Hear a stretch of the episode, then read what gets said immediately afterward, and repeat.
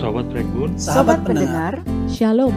Salam sejahtera dalam nama Bapa, Putra, dan Roh Kudus. teman-teman pendengar, jumpa kembali dalam Regun Pod- Podcast.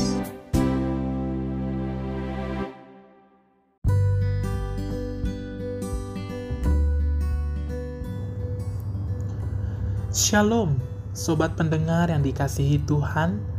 Salam sejahtera untuk setiap sobat pendengar di mana pun Anda sedang berada saat ini. Damai dan sukacita dari Roh Kudus melimpah senantiasa dalam hati dan kehidupan setiap kita.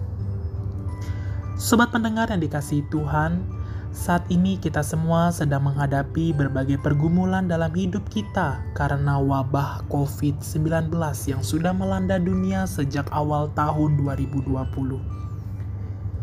Dalam menghadapi wabah ini, sikap, respons, dan cara setiap kita menghadapinya bisa berbeda-beda. Salah satu respons yang alamiah dalam menghadapi wabah seperti ini adalah rasa khawatir.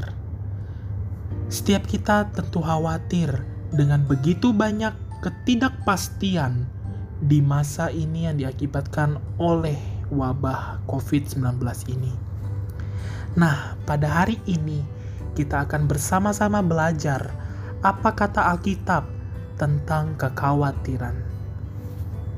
Kiranya firman Tuhan pada hari ini boleh mengingatkan kepada kita bagaimana seharusnya kita sebagai umat yang percaya memiliki setiap sikap dan respons yang benar di dalam menanggapi situasi saat ini. Mari sebelum kita belajar dan mendengarkan firman Tuhan hari ini kita berdoa. Tuhan kami yang begitu baik, kami sungguh bersyukur dan berterima kasih ketika Tuhan pada hari ini boleh memberikan kami kesempatan untuk bersama-sama belajar, merenungkan tentang kebenaran firman Tuhan pada hari ini. Kami memohon penyertaan roh kudusmu untuk kami semua di dalam kami mendengar dan merenungkan firman Tuhan pada hari ini. Dan biarlah kiranya firman Tuhan pada hari ini boleh mengingatkan kepada setiap kami, bagaimana seharusnya kami sebagai umat yang percaya memiliki sikap dan respons yang benar di dalam menanggapi situasi saat ini. Ini doa dan permohonan kami dan kami naikkan di dalam satu nama Tuhan kami Yesus Kristus. Kami telah berdoa. Amin. Sobatku yang dikasihi Tuhan, firman Tuhan pada hari ini terdapat di dalam Injil Matius pasal yang ke-6 ayat 25 sampai 34. Saya akan membacakannya untuk kita semua.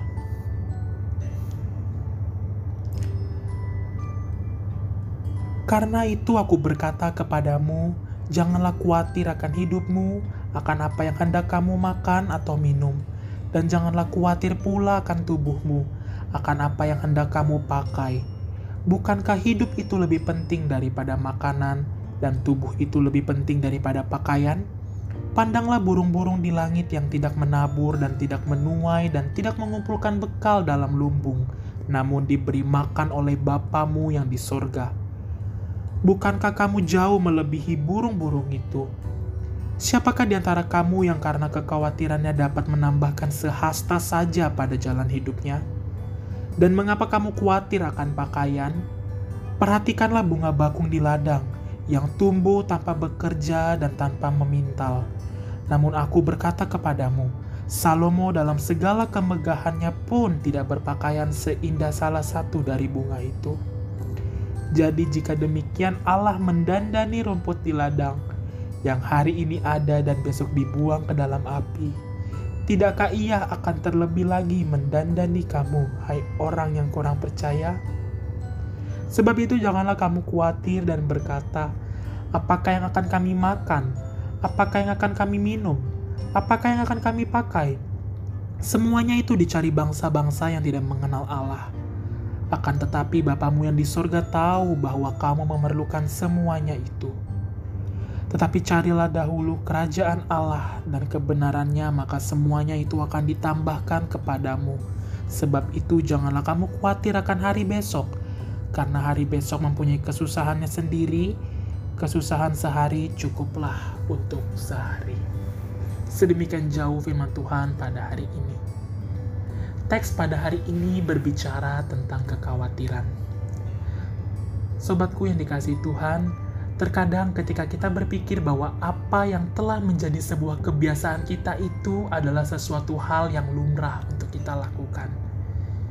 Kegiatan atau hal-hal yang biasa atau sering kita lakukan itu terkadang tidak membuat kita berpikir ulang akan apa yang telah kita lakukan. Misalnya saja perkata perasaan khawatir ini Khawatir adalah kata yang saya rasa cukup mewakili wajah perasaan masyarakat saat ini, apalagi ketika adanya COVID-19 ini. Khawatir bisa berarti takut, khawatir bisa berarti gelisah, cemas terhadap sesuatu hal yang belum diketahui dengan pasti Khawatir itu juga bisa datang ketika kita menghadapi suatu situasi yang di dalamnya kita belum siap untuk menghadapinya. Kita merasa bahwa sebagai manusia yang terbatas, wajar saja untuk kita khawatir. Setiap kita yang menghadapi situasi yang sulit, melihat akan kondisi diri kita saat ini, lalu khawatir itu mulai hadir, itu kita anggap sebagai sesuatu hal yang wajar. Tetapi awas sobatku, khawatir ini adalah sesuatu hal yang salah dan khawatir ini akan menjadi kebiasaan bahkan karakter yang melekat pada diri kita jika kita tidak mewaspadainya. Mengapa? Karena khawatir itu adalah keadaan di mana kita takut dan gelisah terhadap sesuatu hal yang belum diketahui Selain itu, kita juga perlu menyadari bahwa lumrah itu belum tentu sepenuhnya benar. Hadirnya rasa khawatir ini akan menjadi sebuah kesalahan ketika khawatir itu sampai menghapus rasa iman percaya kita kepada Tuhan. Inilah alasannya kenapa khawatir itu adalah sesuatu hal yang perlu diwaspadai dan sesuatu hal yang salah. Sobatku yang dikasih Tuhan, ketika kita menghidupi suatu situasi, lalu kita menjadi khawatir, padahal situasi tersebut belum menjadi suatu kepastian, itu sama saja kita sedang meragukan Tuhan dan tidak percaya kepada rencananya yang indah. Jika kita kembali melihat teks yang sudah kita baca dan dengarkan hari ini, dalam konteks Injil Matius, dapat diperlihatkan kepada kita bahwa pada saat itu Tuhan Yesus sedang mengajar kepada murid-muridnya. Pada waktu itu Tuhan Yesus mengajar kepada murid-muridnya untuk tidak khawatir. Tentu hal ini juga berlaku bagi setiap kita. Tetapi ada satu keunikan tersendiri bagi saya ketika saya membaca dan merenungkan perikop Injil Matius ini. Perikop yang kita baca pada pagi pada hari ini itu dibuka dengan sebuah kata karena itu.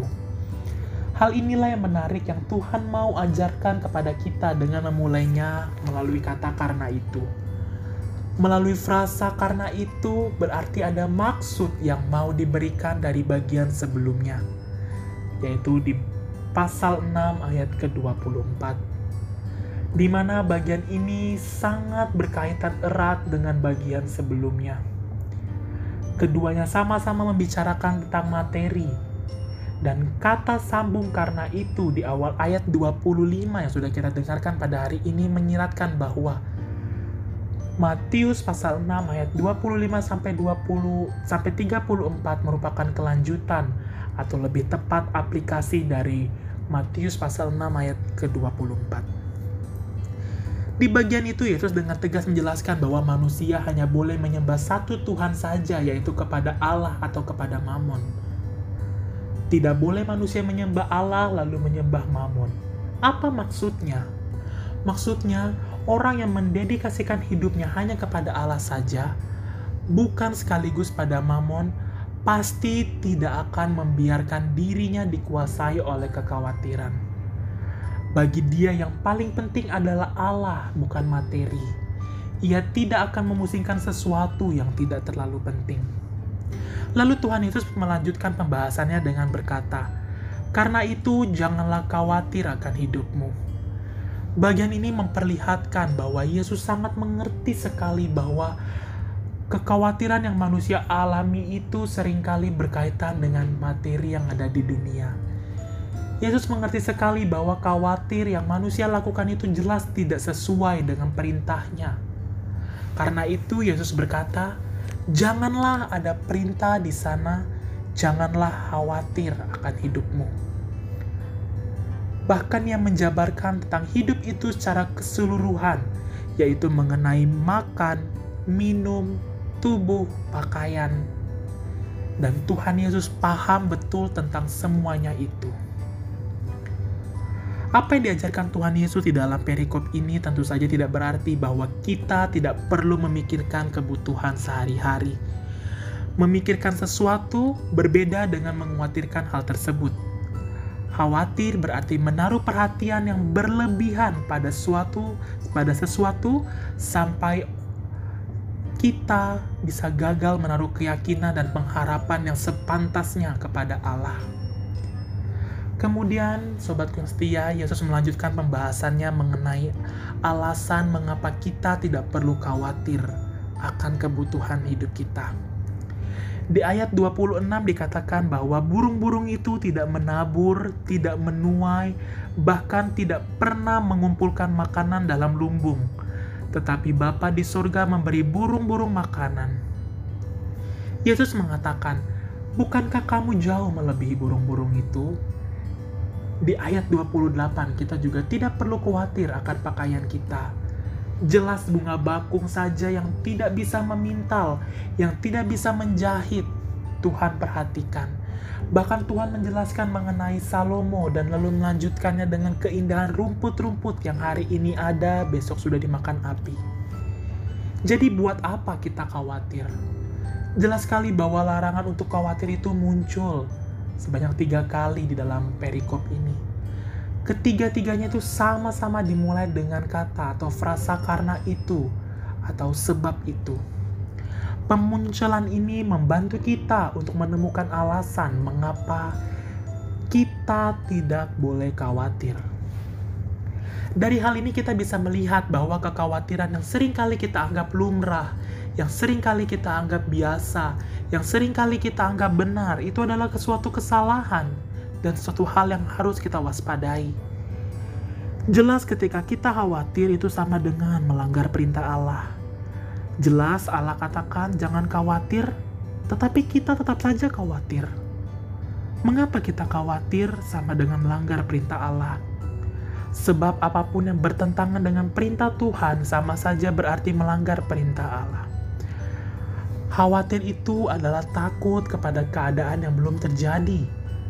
Berarti ketika kita khawatir, sama saja kita meragukan rencana Allah untuk keadaan yang kita hadapi.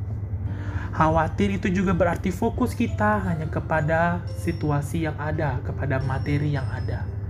Khawatir itu berarti juga fokus kita hanya kepada diri kita sendiri. Ketika kita khawatir, kita terkadang lebih percaya kepada masalah kita daripada janji Allah. Justru yang Tuhan mau adalah kita tidak khawatir. Ketika berbicara tidak khawatir bukan berarti kita tidak melakukan apa-apa untuk situasi tersebut. Ketika kita berbicara tidak khawatir bukan berarti kita berdiam diri saja dan menyerahkan semuanya kepada Tuhan. Bukan, bukan seperti itu sobatku Teks ini juga tidak melarang kita untuk bekerja keras bagi kebutuhan kita. Allah sering kali memenuhi kebutuhan melalui kerja keras dan perencanaan hidup yang baik. Kita tidak boleh menyelubungi kemalasan dalam bekerja dan merencanakan hidup dengan jargon-jargon rohani seperti berserah penuh pada Allah atau tenang dalam pemeliharaan Allah. Tidak. Justru yang Tuhan mau adalah kita fokus kepada Tuhan dikatakan dalam ayat 33, carilah dahulu kerajaan Allah. Tipsnya mudah bukan? Ketika kita menghadapi suatu situasi, ajak Tuhan untuk ikut serta melalui situasi itu. Ketika ada masalah yang menghampiri kita, datang kepada Tuhan dan libatkan Dia dalam dirimu. Jangan khawatir. Pada waktu kita tidak khawatir, Berarti fokus kita bukan kepada mamon, bukan kepada materi atau situasi yang ada, tetapi kepada Tuhan. Pada waktu kita tidak khawatir, berarti kita percaya bahwa masa depan kita ada di dalam Tuhan dan kita berserah penuh kepada Tuhan. Lantas bagaimana bagi kita yang saat ini masih sering kali khawatir? Yang jelas syarat pertama adalah percaya dan mencari Allah. Mengapa khawatir itu bisa ada? Sebab kita tidak pernah mencari Allah. Kita tidak pernah membiarkan Allah bekerja dalam hidup kita. Carilah Allah, libatkanlah Dia dalam masalahmu Sebab tidak ada permasalahan yang terlalu besar sehingga Allah tidak mampu menyelesaikannya dan tidak ada permasalahan yang terlalu kecil sehingga Allah membiarkannya. Semua mampu Allah kerjakan bagi kita. Setelah kita mencari Dia, kerjakanlah bagian kita untuk menghidupi situasi itu. Mungkin dalam menghadapi pandemi saat ini kita bisa menghargai dan meresponi setiap kebijakan pemerintah dengan benar tidak keluar rumah, jaga jarak, menggunakan masker. Jika tidak ada kebutuhan mendesak, jangan keluar rumah, jangan panik, dan menghargai kesehatan yang Tuhan telah berikan dengan menjaga pola hidup kita. Namun, ketika kita melakukan hal ini, jangan sampai fokus kita bergeser dari Tuhan. Sobatku, mari sekali lagi kita mengingat bahwa sering kali kekhawatiran membuat kita kehilangan banyak hal yang berharga, salah satunya hubungan dengan Allah. Lebih buruknya lagi, sering kali kekhawatiran itu tidak terbukti separah yang kita khawatirkan, atau malah tidak terbukti sama sekali. Kekhawatiran tidak memperpanjang kehidupan. Kekhawatiran justru akan berdampak buruk bagi tubuh dan hidup kita. Banyak orang hidup dalam kekhawatiran dan cemas mengenai apa yang belum terjadi. Orang sering takut dan tidak tahu apa yang ia takuti. Akhirnya, orang yang seperti ini tidak akan menikmati kehidupan. Kehidupan, kebahagiaan hidup itu hanya bisa menjadi milik orang-orang yang mampu menikmatinya dengan penuh syukur. Ingat sobatku, khawatir itu terbalik dengan iman Kekhawatiran dapat melumpuhkan iman kita dalam mengiring Yesus. Itu sebabnya kekhawatiran adalah salah. Tuhan mengatakan bahwa kita harus berjalan dengan iman, bukan dengan penglihatan.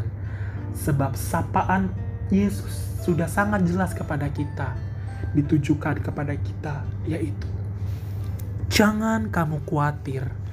Don't you worry, child dan sebagai orang yang percaya, kita harus bisa meresponisnya dengan menjalani kehidupan ini dengan penuh iman dan persandaran kepada Tuhan. Biarlah kiranya firman Tuhan pada hari ini boleh mengingatkan dan boleh menyapa dan boleh menegur setiap kita. Mari kita berdoa.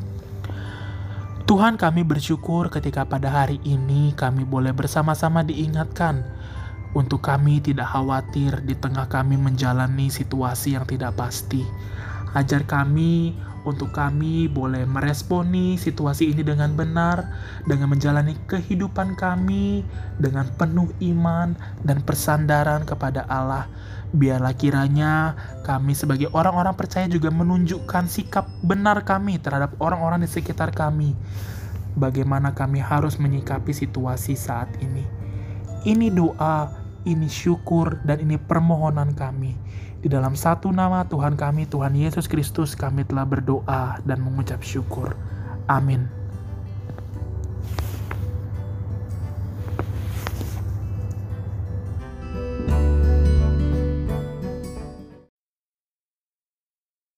Teman-teman pendengar, terima kasih karena sudah mendengarkan podcast ini. Silakan follow kami di Spotify dan Anchor dan jangan lewatkan kesempatan untuk menjadi berkat dengan membagikan podcast ini.